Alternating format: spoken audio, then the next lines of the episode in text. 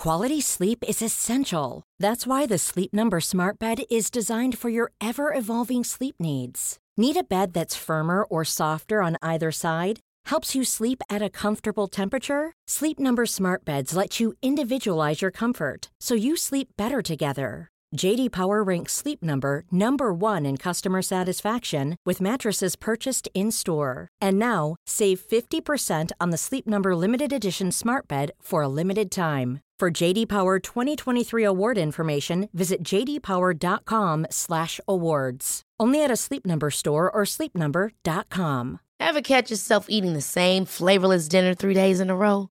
Dreaming of something better? Well, HelloFresh is your guilt-free dream come true, baby. It's me, Kiki Palmer.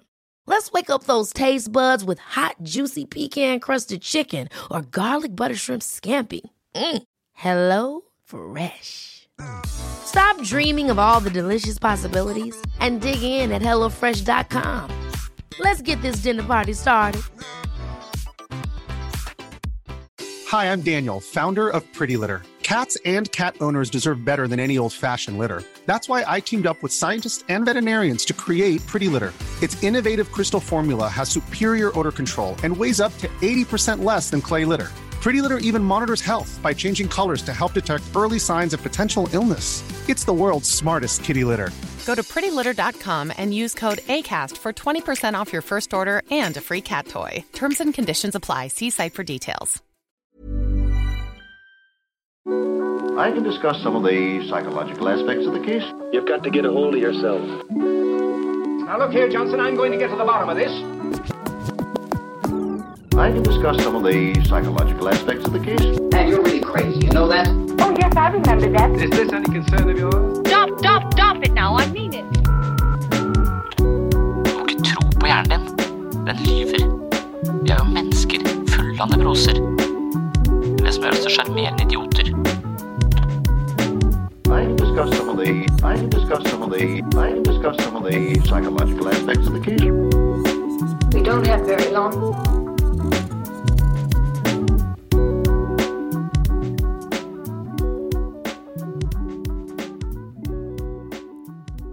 Velkommen til en ny episode av Sinnssyn, hvor jeg skal bl.a. blant annet snakke om en helt spesiell type tåke som består av eh, skyld, forpliktelser og frykt. Det skal handle om noe som heter følelsesmessig utpressing. Det er en tematikk jeg har vært inne på tidligere her på Sinnsyn, men det er også en tematikk jeg synes er veldig viktig å ta opp fra tid til annen, fordi det kaster et ganske viktig blikk på ting som foregår mellom mennesker, og spesielt av mennesker som kjenner hverandre godt, som ikke er spesielt heldig for relasjonen. Så da baserer jeg meg på denne boka til Susan Forward som heter Emotional Blackmail, altså følelsesmessig utpressing. Så hvis du føler at din partner er i overkant kravstor, ikke undertrykk denne tanken. Forsøk å kjenne etter på egne følelser og kjenne til spor av frykt og skyldfølelse.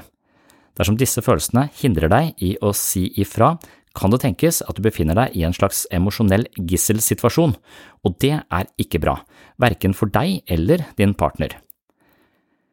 Hvis du har vært i en situasjon hvor det var vanskelig å si nei, eller du følte deg dårlig fordi du satte grenser, kan det tenkes at du har blitt utsatt for en form for følelsesmessig utpressing, noe som faktisk er ganske vanlig blant oss mennesker. Følelsesmessig utpressing det kommer ofte til syne i en fornemmelse av følgende, hvis ikke du gjør dette for meg, så vil det få konsekvenser. Det opptrer mellom mennesker som kjenner hverandre godt, hvor en eller annen person er i en form for underskudd og prøver å kontrollere den andre for å kompensere for frykten for å bli forlatt veldig ofte. Det er vanlig at følelsesmessig utpressing altså foregår i et parforhold hvor en av partene for eksempel truer med å forlate den andre, vel vitende om at den andre bryr seg så mye om relasjonen at de ikke vil tillate et brudd. Så kort sagt så blir du følelsesmessig pressa dersom noen krever noe av deg som du vegrer deg for å gi, og deretter får vite at din motstand vil straffe seg. Så følelsesmessig utpressing det foregår som regel blant folk du kjenner aller best, det er de som kjenner deg som vet hvor du er mest sårbar. Eksempelvis vil en som anser seg selv for å være raus, empatisk og lojal, kanskje bli anklaget for å være det motsatte, altså grådig, egosentrisk og upålitelig av utpresseren. Så det er sånn at utpresseren vil forsøke å trykke på de knappene som har mest effekt. Så hvis man da er en person som identifiserer seg som ganske raus og empatisk, så kan utpresseren antyde at det motsatte er tilfellet og kaste ut karakteristikker som egoistisk og lite empatisk, noe som da kan veie ganske tungt hos den andre som nettopp identifiserer seg som det motsatte.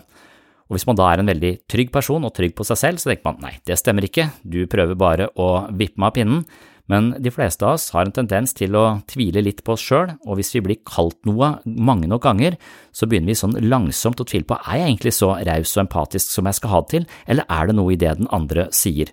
Og da har vedkommende på en måte kommet under huden på oss og fått oss til å kanskje endre litt syn på oss selv, være litt mer negativt innstilt overfor oss selv, og dermed litt mer tilbøyelig til å gå med på utpresserens eh, krav.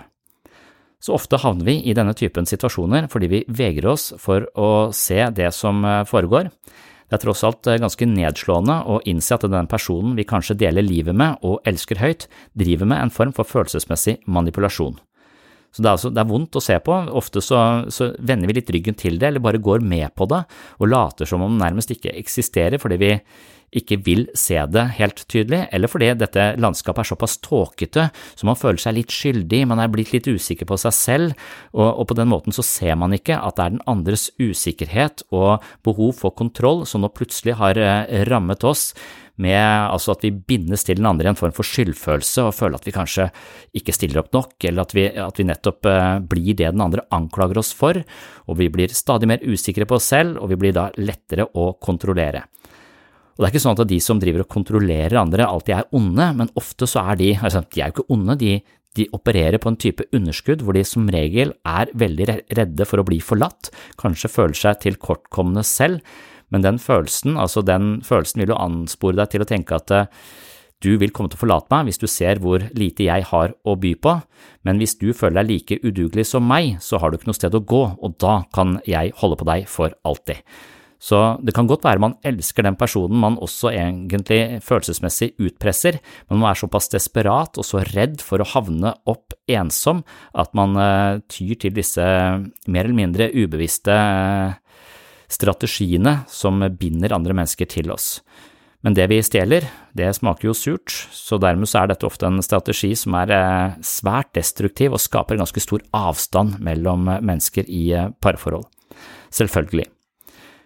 Det kan også være vanskelig å identifisere følelsesmessig utpressing, da det ofte foregår på en eh, ganske subtil måte, og det skjuler seg bak tilsynelatende gode hensikter. Likevel er det verktøy som kan hjelpe oss å identifisere et slikt mønster. Følelsesmessig utpressing består nemlig av seks punkter, og i dagens episode, eller i innledningen til dagens episode, så skal jeg nevne disse seks punktene. Det begynner med et ønske, og deretter en motstand eller avvisning av dette ønsket. Ønsket følges opp med et mildt press som eh, siden sklir over i subtile trusler. Deretter går man med på ønskene for å dempe konflikten og unngå den pressede situasjonen, hvorpå utpresseren får det som han eller hun vil, samtidig som de får en bekreftelse på at taktikken fungerer, og dermed så vil den gjenta seg. Så det er eh, dynamikken her. Man blir utsatt for en eller annen form for eh, press, man prøver å yte motstand, man vil også da utsettes for den typen uh, subtile uh, trusler, som ikke er uh, sånn at hvis ikke du gjør sånn som jeg sier, så skyter jeg deg. Det er mye mer subtilt enn som så. Det er mer sånn at man får beskjed om at man kanskje ikke er nok tilgjengelig. Kanskje man eh, får en beskjed om at eh, ja, du prioriterer kanskje ikke dette forholdet like høyt som meg, eller jeg gjør jo dette for vår del, er ikke du interessert i at vi skal fungere? Sånn at eh, man driver ikke og truer sånn direkte, men man truer ofte med å sette den andres følelser, eller så tvil ved den andres forpliktelser, og den andre føler seg da truet på sin integritet, og er da tilbøyelig til å gå med på utpresserens eh, krav. Så det er ikke sånn du gjør dette, hvis ikke så. Det er mer sånn ja, elsker du meg ikke høyt nok? Så det er, mer, det er, det er den typen uh, retorikk som foregår, og, det, og, utpresseren gir ofte et uttrykk at han eller hun gjør alt for dette forholdet, mens eh, den anklagede parten ikke gjør nok og dermed er skyldig og dermed skylder dette, som da er eh, utpresserens eh, krav. Og hvis man da går med på dette, eller kanskje rettere sagt gir etter for dette presset, så kan man tenke at ja, så, så er så går det over, eller så vi fall, kommer vi i hvert fall ut av denne litt vanskelige situasjonen. Eller ja, jeg tåler vel dette nå, og så, så, kan jeg heller uh, gjøre det jeg var interessert i en annen gang. Hvis man går, gir etter for utpresserens krav, så er sjansen for at dette mønsteret gjentar seg ganske stor. Så her er det helt avgjørende å sette tydelige grenser, for hvis ikke så på en måte illustrerer man at eh, strategien fungerer, og hvis strategien fungerer, så er det høy sannsynlighet for at den vil gjenta seg hvis den andre parten da eh, på en måte har et slags kronisk psykologisk underskudd, hvor de er eh, usikre på seg selv og frykter å bli forlatt, så vil de ofte bruke denne typen manipulerende strategier for å ha kontroll i parforholdet. Og det er som sagt ikke noe folk gjør av eh, ondskap, eh, nesten sagt, men noe folk gjør i en desperasjon for å ikke bli ensomme og forlatt, og kanskje de har masse erfaringer på at de nettopp blir ensomme og forlatt fra de var små og oppover. Så um, jeg synes denne tematikken er interessant, både fordi at jeg blir oppmerksom på hvordan disse mekanismene fungerer, og jeg er veldig opptatt av at jeg ikke skal gjøre det selv, og jeg kan godt se at man ofte har disse tendensene overfor barn eller i krangler eh, hjemme osv. Dermed så synes jeg det er viktig for å unngå å være en utpresser, og synes jeg det er viktig for de som eh, faktisk befinner seg i en sånn pressa situasjon, at man forstår mekanismene for å sørge for at man ikke Eh, havner i en sånn type relasjonelt gisseldrama som man kanskje egentlig aldri kommer seg ut av. Og i boka eh, Emotional Blackmail så kommer forfatteren med et eksempel med Anna og Arne, som går da i parterapi, for denne forfatteren hun er psykoterapeut og hun jobber i parterapi. Og her er det sånn at Arne vil at de skal flytte sammen, og selv om Anna da er veldig glad i Arne, så trenger hun litt mer tid. Og neste skritt da, fra Arne sin side, det er at det kommer en del sånne, ja, litt sånn diffuse trusler. Han snakker om hvordan han er klar til å forplikte seg, ta forholdet til neste nivå, og lurer deretter på om Anna egentlig elsker ham. Her burde Anna stått imot, forklart at hun er glad i ham, men uh, trenger rom for seg selv, og at det er viktig for henne, og at hun trenger litt mer tid før de uh, flytter sammen. Men ved følelsesmessig utpressing, som da eventuelt lykkes, så vil Anna til slutt gå med på å flytte inn, for hun opplever at Arne trekker hennes følelser for ham i tvil, og dermed går hun med på presset. Og sjansen for at det samme taktikk da blir brukt ved neste uoverensstemmelse, er dermed økt dramatisk. Ved følelsesmessig utpressing blir det altså pumpa en slags tåke bestående av frykt, skyld og forpliktelser inn i relasjonen. Denne skyen hindrer oss i å se relasjonen i et nyansert lys. I boka så brukes akronymet FOG, som står for uh, Fair Obligation and Guilt, altså FOG, som da spiller på ordet tåke, og det er denne mellommenneskelige psykologiske tåka som legger seg som et uh, mørkt teppe over en relasjon, hvor man plutselig begynner å føle på skyld, føle seg pressa, føle at man ikke er god nok osv., og, og det kan jo hende at disse, dette er følelser som kommer fra andre steder, men hvis du er i en sånn situasjon, så bør du kjenne litt etter hvor kommer denne følelsen fra, hvem trigger denne følelsen, hvorfor har jeg denne følelsen, og er den berettiget?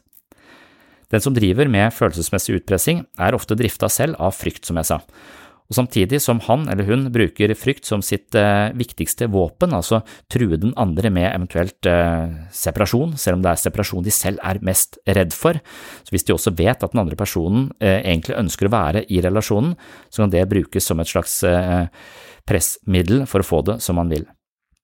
Ofte så er mennesker som driver denne formen for utpressing drevet av en underliggende frykt for å bli forlatt, altså, forankret i en tilsvarende følelse fra opplevelser i barndommen. Så fort man får en opplevelse av at man ikke er elsket, vil frykten aktivere behovet for å fange den andre i et eh, manipulerende eller manipulativt nett, et relasjonelt garn hvor man blir fanget, Og det er ikke sånn at de folka som driver med følelsesmessig utpressing nødvendigvis er bevisst hva de holder på med. Det er ikke det at de har lest en bok om hvordan manipulere andre mennesker og så iverksetter de strategiene. Noen få mennesker gjør det, men de er sannsynligvis psykopater. De fleste av oss er bare usikre på oss selv og litt eh, desperate etter å ikke bli forlatt, og dermed så vil vi mer eller mindre ubevisst kunne være gode på nettopp denne følelsesmessig manipulasjonen av andre for å binde de til oss, eh, sånn at vi er sikre på at vi har en viss grad av kontroll på relasjonen. Et annet eksempel fra denne boka det er forholdet mellom Mark og Mary. Det illustrerer eh, hvordan Mark er redd for å bli forlatt. For her er det sånn at Mary er den som forsørger dem, da Mark ikke har noe jobb, og han føler seg dermed underlegen, samtidig som han frykter at Mary vil finne en mann med bedre inntektsevne.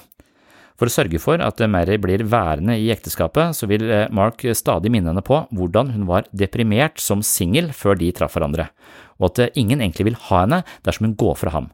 Så han kjører på to ting. Hun, han, hun min, altså blir minnet på at eh, før vi traff hverandre, så var du deprimert, du likte ikke livet som singel. Og du er heller ikke så veldig attraktiv, så hvis du går fra meg, så er sjansen for at du finner noen ny, ganske liten. Og hvis du messer det, eller siver det inn i eh, relasjonen, underforstått eller mer eksplisitt, så vil kanskje Mary langsomt overta den ideen om seg selv, at hun kanskje ikke finner noen bedre, og så og da er hun også fanget til uh, Mark, som prøver å Eh, ja, eh, binde henne til relasjonen fordi han selv føler at han er, eh, kommer til kort siden han ikke har noe inntektsevne, da, blant annet. Dette kan også foregå i mer nære relasjoner, en mor som stadig klager på at voksne barn ikke besøker henne nok, appellerer til barnas forpliktelse overfor sin gamle mor. Altså, det er litt forskjellig fra kultur til kultur hvordan, hva slags forpliktelser man føler overfor sine foreldre, men der har vi denne tåka består jo blant annet av forpliktelse, jeg har jo sørget for deg hele mitt liv, ofret alt for deg, eh, mitt barn, og her sitter jeg nå alene, du er vel forplikta til å besøke meg minst to ganger om dagen. Og hvis man da ikke gjør det som eh, barn, så, så kan man jo da også bli minnet på hvor mye mor eller far har gjort for, eh, for, for en selv, og da induseres denne skyldfølelsen, denne følelsen av at du burde vært og besøkt oss daglig, eh, og hvis du ikke gjør det, så er du ikke en god sønn eller datter, da. Og da kommer denne skyldfølelsen, forpliktelse, skyldfølelse, og frykt for ikke være denne sønnen man egentlig burde være. Så man bader da i dårlig samvittighet fordi man er rett og slett eh, mer eller mindre emosjonelt trua da, til å være på besøk. Og Spørsmålet er da hva slags relasjon det blir. Når du truer folk til å komme på besøk til deg, så er det ikke sikkert det blir så hyggelig, og det tror jeg man fornemmer et eller annet sted. Sånn at den eh, typen relasjoner som eh, er på en måte tufta på en sånn form for følelsesmessig utpressing, den er nok ikke spesielt givende for noen av partene. Altså, man, man ønsker jo å være et, en person som folk besøker fordi de ønsker å besøke en, og fordi man er glad i hverandre, ikke fordi man er pressa til det. Hvis man er pressa til det, så, så, er det et slags skuespill hele greiene, og, og egentlig en ganske smertefull eh, affære hvor, hvor frykten for å være ensom og forlatt er det som driver det, men jeg tror nok da når du får besøk på disse premissene, at følelsen av ensomhet nesten eskalerer når du har folk på besøk som egentlig ikke vil være der. Så det er jo en strategi som eh, tilsynelatende får folk til å besøke deg, men som likevel kanskje gjør vondt verre, da. Alle konflikter i et parforhold kan eh, ikke karakteriseres som følelsesmessig utpressing, det kan man få et inntrykk av når man leser denne boka, at eh, alt som foregår er en form for følelsesmessig eh, utpressing. Det, altså, veldig ofte så er det sånn at konflikter handler om en form for projeksjon, hvor vi ikke tar ansvar for våre egne følelser og kaster det over og anklager andre osv. Så, videre. så vi driver og spiller litt ball med ulike ubehagelige følelser, som en slags sånn svartepetterspill. Men når det er snakk om følelsesmessig utpressing, så er det springende punktet om en av partene genuint ønsker å finne en løsning, eller om de kun ønsker å vinne eller ha overtaket. Så det er altså det, det, viktige. Ønsker man egentlig å finne en løsning på dette? Vil man prøve å finne en forståelse for den andre og forståelse for sine egne reaksjoner i møte med den andre, sånn at man kan klarne tåka, eller ønsker man egentlig bare å ha kontroll og vinne eh, situasjonen? Det er altså eh, et ganske springende, springende punkt. Så eh, denne boka, Emotional Blackmail, den eh, tar også for seg hvilke faktorer eller egenskaper ved et menneske som gjør de mer tilbøyelige til å bli utsatt for følelsesmessig utpressing. Og det er blant annet stort behov for andres bekreftelse, hvis du higer etter andres eh, bekreftelse og er opptatt av å bli likt, så er det lettere for deg å gi etter for en, eh, en eller annen form for krav og, og, følelse av forpliktelse, eller at du må være sånn som andre syns at du bør være. Så stort behov for bekreftelse, det er ofte et, en slags ja, da er du lett, et lett bytte for en som eventuelt driver med følelsesmessig utpressing. Lav selvfølelse er også en faktor som gjør deg sårbar. Hvis du har lite troa på deg selv og ikke syns du fortjener bedre, så er det ofte at man tar til takke med hva som helst og tenker at man må innordne seg, at det andre er viktigere enn en selv, og da er man også en person som uh, andre kan potensielt sett da kontrollere ved å bruke dette her aktivt, presse på disse punktene og kanskje forsterke den lave selvfølelsen, så man ikke tenker at man kan få noe bedre, eller har noe sted å gå som man er bare forplikta til, eller man, man, må bare være i denne situasjonen, for det er det beste jeg kan få til. Hvis man er konfliktsky, så er man også i faresonen. Eh, ofte så legger jo eh, dette opp til hvis du skal sette grenser og si eh, nei og ikke la deg manipulere, så vil det ofte oppstå et eh, ganske stort press, eventuelt en konflikt, og hvis du ikke liker konflikt eller er livredd for konflikt, så er du ofte tilbøyelig til å bare gå med på, på, på kravene for å ja, roe ned situasjonen, eller som man sier, for husfredens skyld. Imagine the softest sheets you've ever felt. Now imagine them getting even softer over time. That's what you'll feel with Bowl and Branch's organic cotton sheets. In a recent customer survey, 96% replied that Bowl and Branch sheets get softer with every wash. Start getting your best night's sleep in these sheets that get softer and softer for years to come. Try their sheets with a 30-night guarantee. Plus, get 15% off your first order at bowlandbranch.com. Code BUTTERY. Exclusions apply. See site for details. You should celebrate yourself every day but some days you should celebrate with jewelry. Whether you want to commemorate an unforgettable moment or just bring some added sparkle to your collection, Blue Nile can offer you expert guidance and a wide assortment of jewelry of the highest quality at the best price. Go to BlueNile.com today and experience the ease and convenience of shopping Blue Nile, the original online jeweler since 1999. That's BlueNile.com. BlueNile.com. Many of us have those stubborn pounds that seem impossible to lose, no matter how good we eat or how hard we work out. My solution is PlushCare. PlushCare is a leading telehealth provider with doctors who are there for you day and night to partner with you in your weight loss journey. They can prescribe FDA-approved weight loss medications like Wagovi and Zepbound for those who qualify. Plus, they accept most insurance plans. To get started, visit plushcare.com slash weight loss. That's plushcare.com slash weight loss. Og så er det også noen mennesker som har et stort behov for å redde andre mennesker, og de er eh, også i, eh, i faresonen. Så hvordan man unngår man dette, det står det også en del om i eh, denne boka. Eh, det første punktet her er å skaffe deg rom, sørg for at du har, eh, får litt tid. For ofte så er du ganske forvirra i denne mellommenneskelige tåka, så da skal du bare si setninger som jeg har ikke noe svar på det du spør om akkurat nå, men gi meg litt tid til å tenke, skal jeg komme tilbake til det.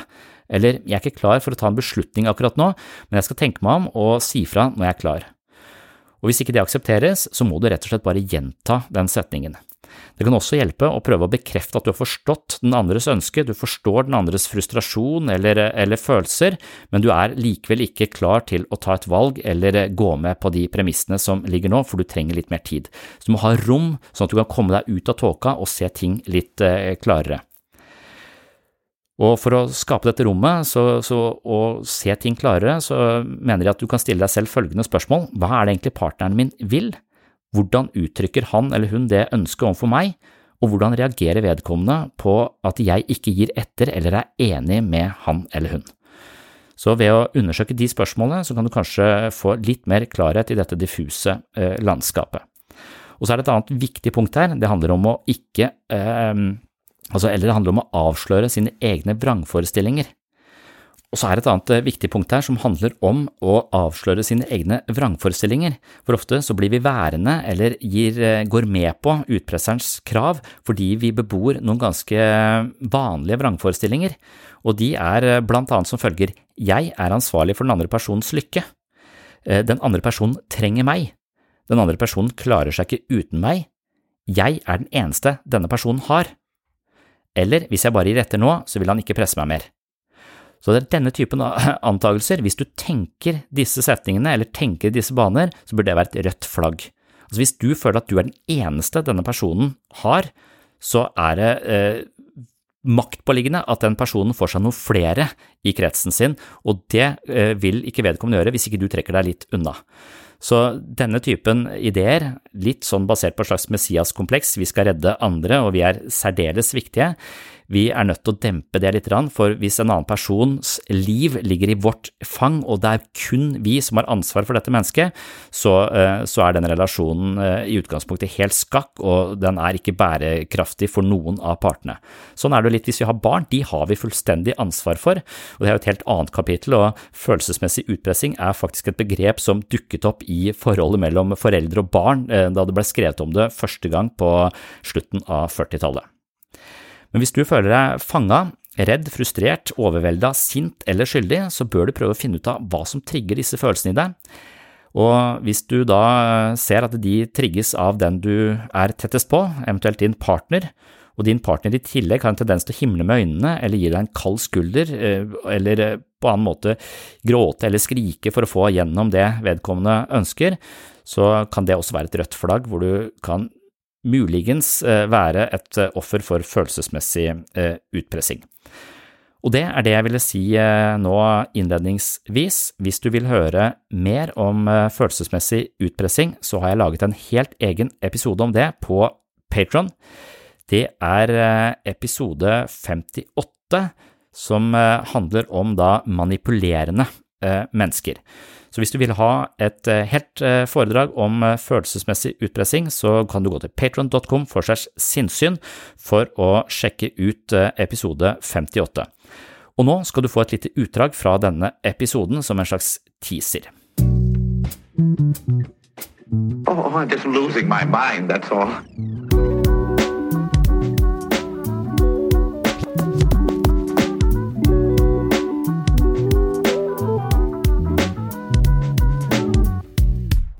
Man må tåle at man ikke har kontroll på andre mennesker. Og hvis man tåler det og gir tillit, så, så, vil det sannsynligvis styrke relasjonene. Men, hvis man, men det er igjen vanskelig med barn. Jo, det er nærliggende for meg å bygge en eller annen eh, ja, litt sånn eh, fritzelaktig kott hvis det går rett til helvete, hvis de begynner å ruse seg sånn, da har jeg bure de inne for, for, å få kontroll. Eller så er jeg så redd for at de skal skade seg eller gjøre noe. Så, så, så, tenker man ja, men da kan jeg bare bure de inne. Eller jeg kan flytte en øde øy og ta dem med dit, så de ikke får noen kontakt med verden whatsoever. Som om det er, eh, om det er løsningen på å redde de ut av et eller annet uføre. Fordi jeg ikke har kontroll på de, men følelsen av ansvar likevel er liksom Jeg skjønner impulsen. Det er nok her liksom denne altså vi, sier, vi, snakker om følelsesmessig manipulasjon, men, men, det er også ikke bare frykten for selv å bli forlatt, men det er frykten å miste noe du er glad i, eller sånn at du, du, du raskt mister mentaliseringsevnen. Du bare gjør ting, du tvinger ting som, som ikke så, så, for, så, jeg vil jo si at det, ja, det, det er ikke som med døden. da, Hvis noen sier, kommer til meg og sier de har tenkt å ta livet sitt, så så kan jeg bli sånn eh, livredd og bare snu meg og bare lese opp fra en, en prosedyre og gjøre alt riktig, så jeg liksom ikke havner i heisen selv. Eller jeg kan prøve å våge å være i møte med, med døden. Og hvis du har barn som ruser seg, f.eks. Altså, jeg vil se på rus som et symptom på noe annet. Hvis du ruser deg overdrevet mye, så er det ofte mangel på en eller annen connection. Om det er med vennene dine, eller om det kanskje er med deg. da, Kan vi kanskje klare å reconnecte her? Eh, og hvis jeg skal reconnecte med å tvinge deg til å ikke ruse deg, eller ta, eh, du må ta pisseprøve hver gang du står opp om, om morgenen og lage sånt, eh, sånt regime, så er sjansen for at eh, avstanden mellom oss bare blir enda større enn hvis jeg liksom Men det å ha overskudd da i en såpass desperat eh, situasjon, hvis barnet ditt skader seg eller ruser seg, til liksom Oi, for det å lage nye connectioner tar jo tid. Det er jo noe tidkrevende. Mens du vil jo ha en løsning her og nå. Du vil jo ikke at de skal fortsette med dette her. De ødelegger hjernen sin. Eh, så, den desperasjonen kommer inn og overstyrer virkelig den, de tiltakene som ville være mye, mye bedre på, på lang sikt. Da. Jeg har sagt fra til barna mine allerede at jeg kommer til å burde de inne hvis de Men jeg har faktisk hatt en samtale, for jeg har jo snakket om det. Liksom, altså tillit, og kan de snakke med meg, kan de si ting. Altså det er også viktig å, ta, kunne ta imot kunne ta imot det som er. Da. Hvis du viser at du med en gang du tar imot en eller annen beskjed, burer det inne, eller hvis, du, hvis noen La oss si bare hvis noen gir deg kritikk, da, så gir det en kald skulder og går til motangrep. Hvis du ikke tåler tilbakemeldinger på, på deg selv, eh, så, så, så, vil jo de andre begynne å lyve for deg, og du vil skape den, den, den, avstanden. Og da vil du kanskje få enda større behov for å, for å kontrollere det. Så det viser at du er en person som, som tåler å, å ta imot det som, som er der uten å gå til grunne. Det tror jeg er viktig i parforhold også. at eh, ja, vi kan snakke om alt, men du må ikke kritisere underforstått. Du kan ikke kritisere meg på noe som helst, for da blir jeg såra og vondbråten og krenka, og jeg begynner med alt mulig slags sånne Ja, så du syns det, ja? Og så blir passivt aggressiv. ikke sant? Du må vise at du, du tåler uh, sannheten. Jeg tåler din sannhet om meg, uh, og så kanskje jeg kan få noe, få noe ut av den. Men uh, det er, ikke, det er ikke, alle som, uh, som altså Du skal ganske mye psykologisk styrke til for å tåle, tåle sannheten. Og våge å være, være, åpen. For de fleste vil jo si jeg ønsker at du skal gi meg helt oppriktige tilbakemeldinger. Syns du jeg er fin i denne kjolen? Så er det nok mange som, som bare bekrefter at den er kjempefin, selv om de eventuelt ikke syns at den er eh, kjempefin. Det er et veldig trivielt eksempel, da. Men, men, en gang du lyver på en sånn triviell ting, så du, så tror jeg du, det fornemmes i situasjonen at det, her eh, du jatter med meg. Eh, for du vil bare tilfredsstille mine følelser, så du fungerer som en sombril. Du er ikke en, er ikke en oppriktig samarbeidspartner. Du er ikke en sparringspartner som, som, som, jeg faktisk kan bruke til å få et nytt perspektiv på meg selv. For du vil bare prøve å bekrefte mitt perspektiv uansett hva. Og dermed så kan jeg ikke helt stole på deg.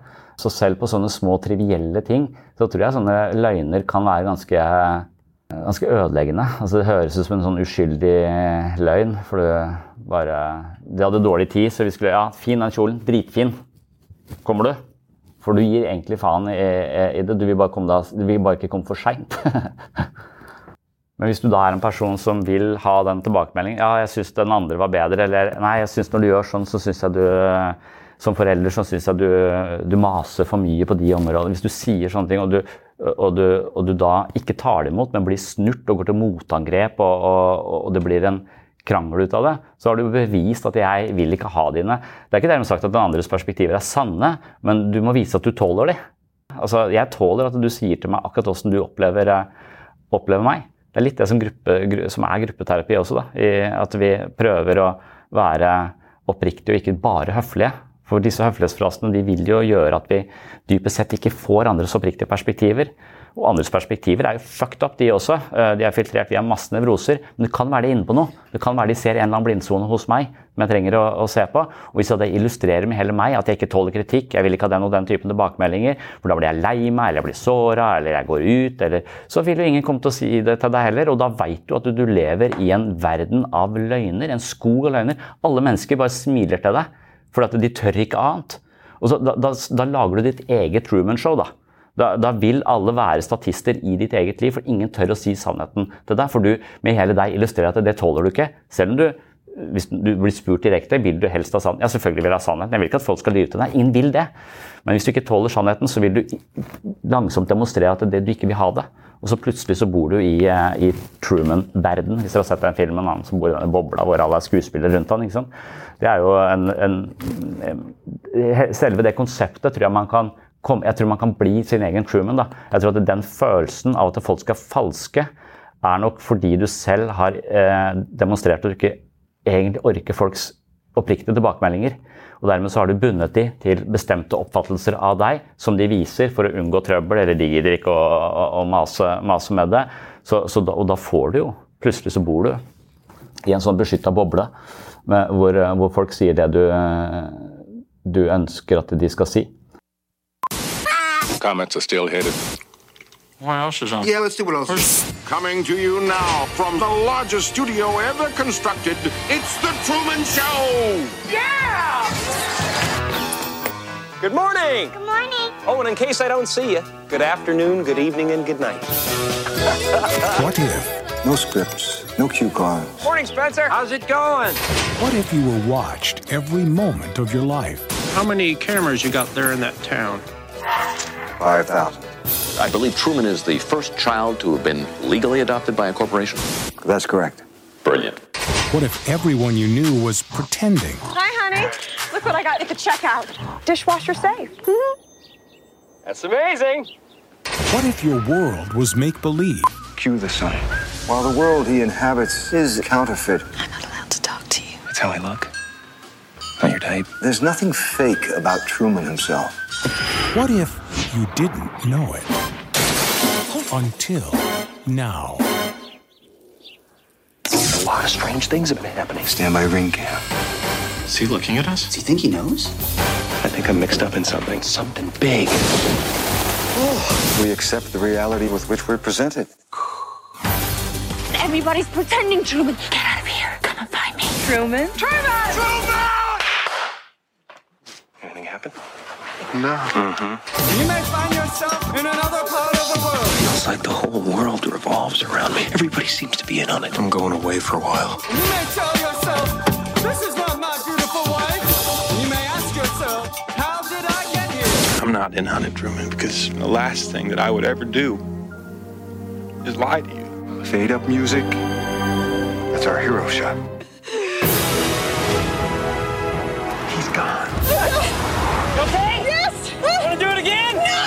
Find him. Truman, where are you going? You can do it. How do we stop him? Give me some lightning. Is that the best you can do? Cut transmission! I like your pen. I was wondering that myself. Jim Carrey. The Truman Show. Watch what happens.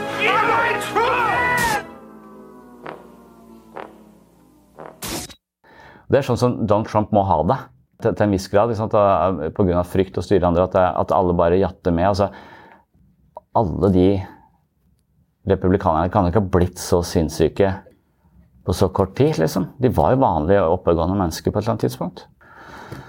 Uh, ja.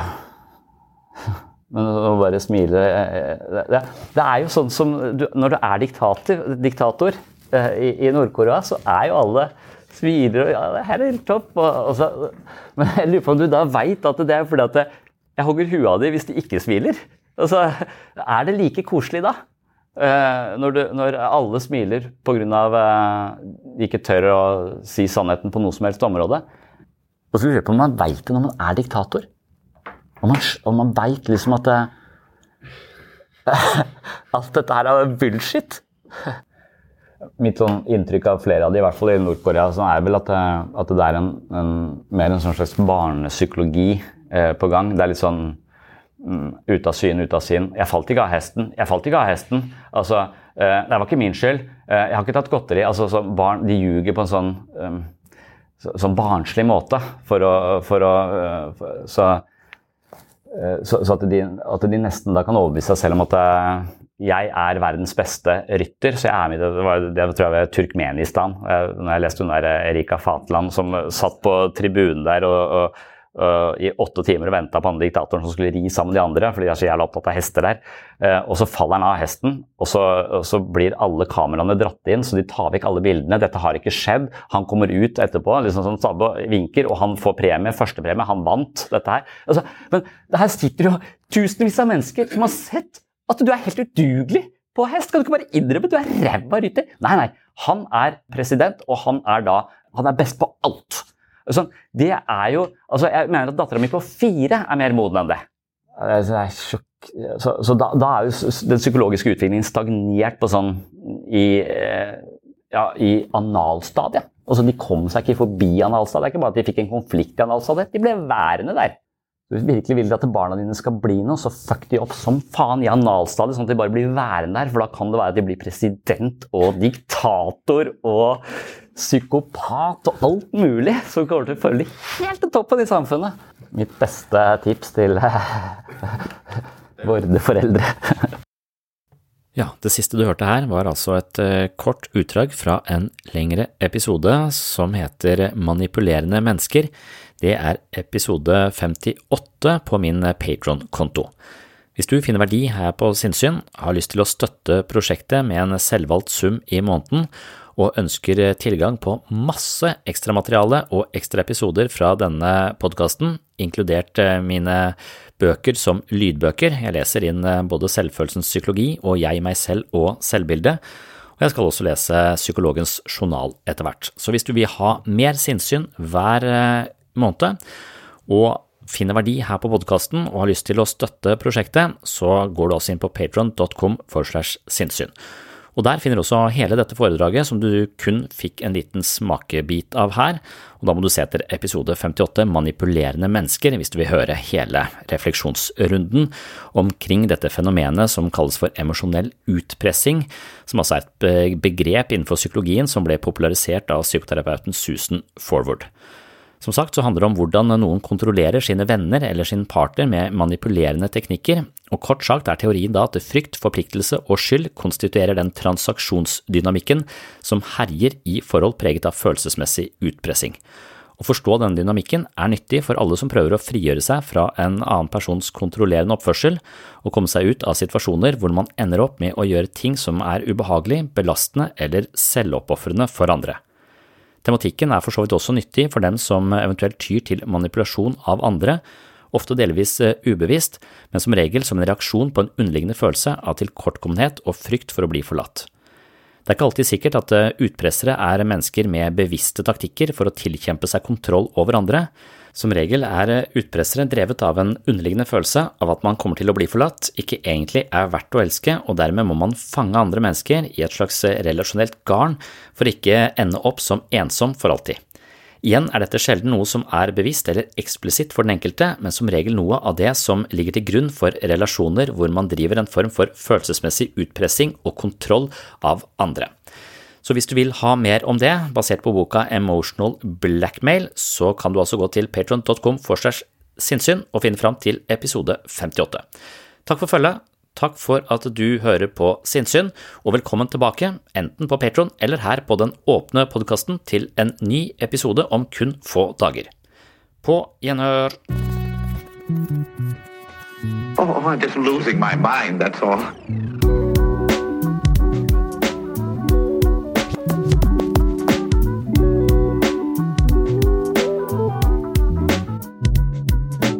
I can discuss some of the I can discuss some of the I can discuss some of the psychological aspects of the case. Psycho, psycho, psychological aspects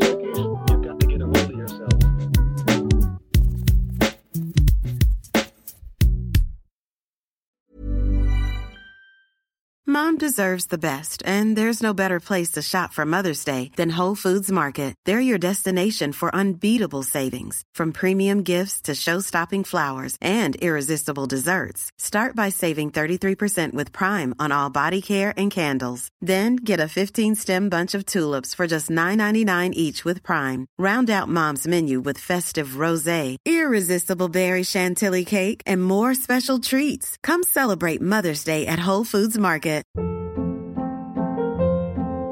Hold up. What was that? Boring. No flavor. That was as bad as those leftovers you ate all week. Kiki Palmer here, and it's time to say hello to something fresh and guilt-free. Hello Fresh. Jazz up dinner with pecan-crusted chicken or garlic butter shrimp scampi. Now that's music to my mouth. Hello Fresh. Let's get this dinner party started. Discover all the delicious possibilities at hellofresh.com.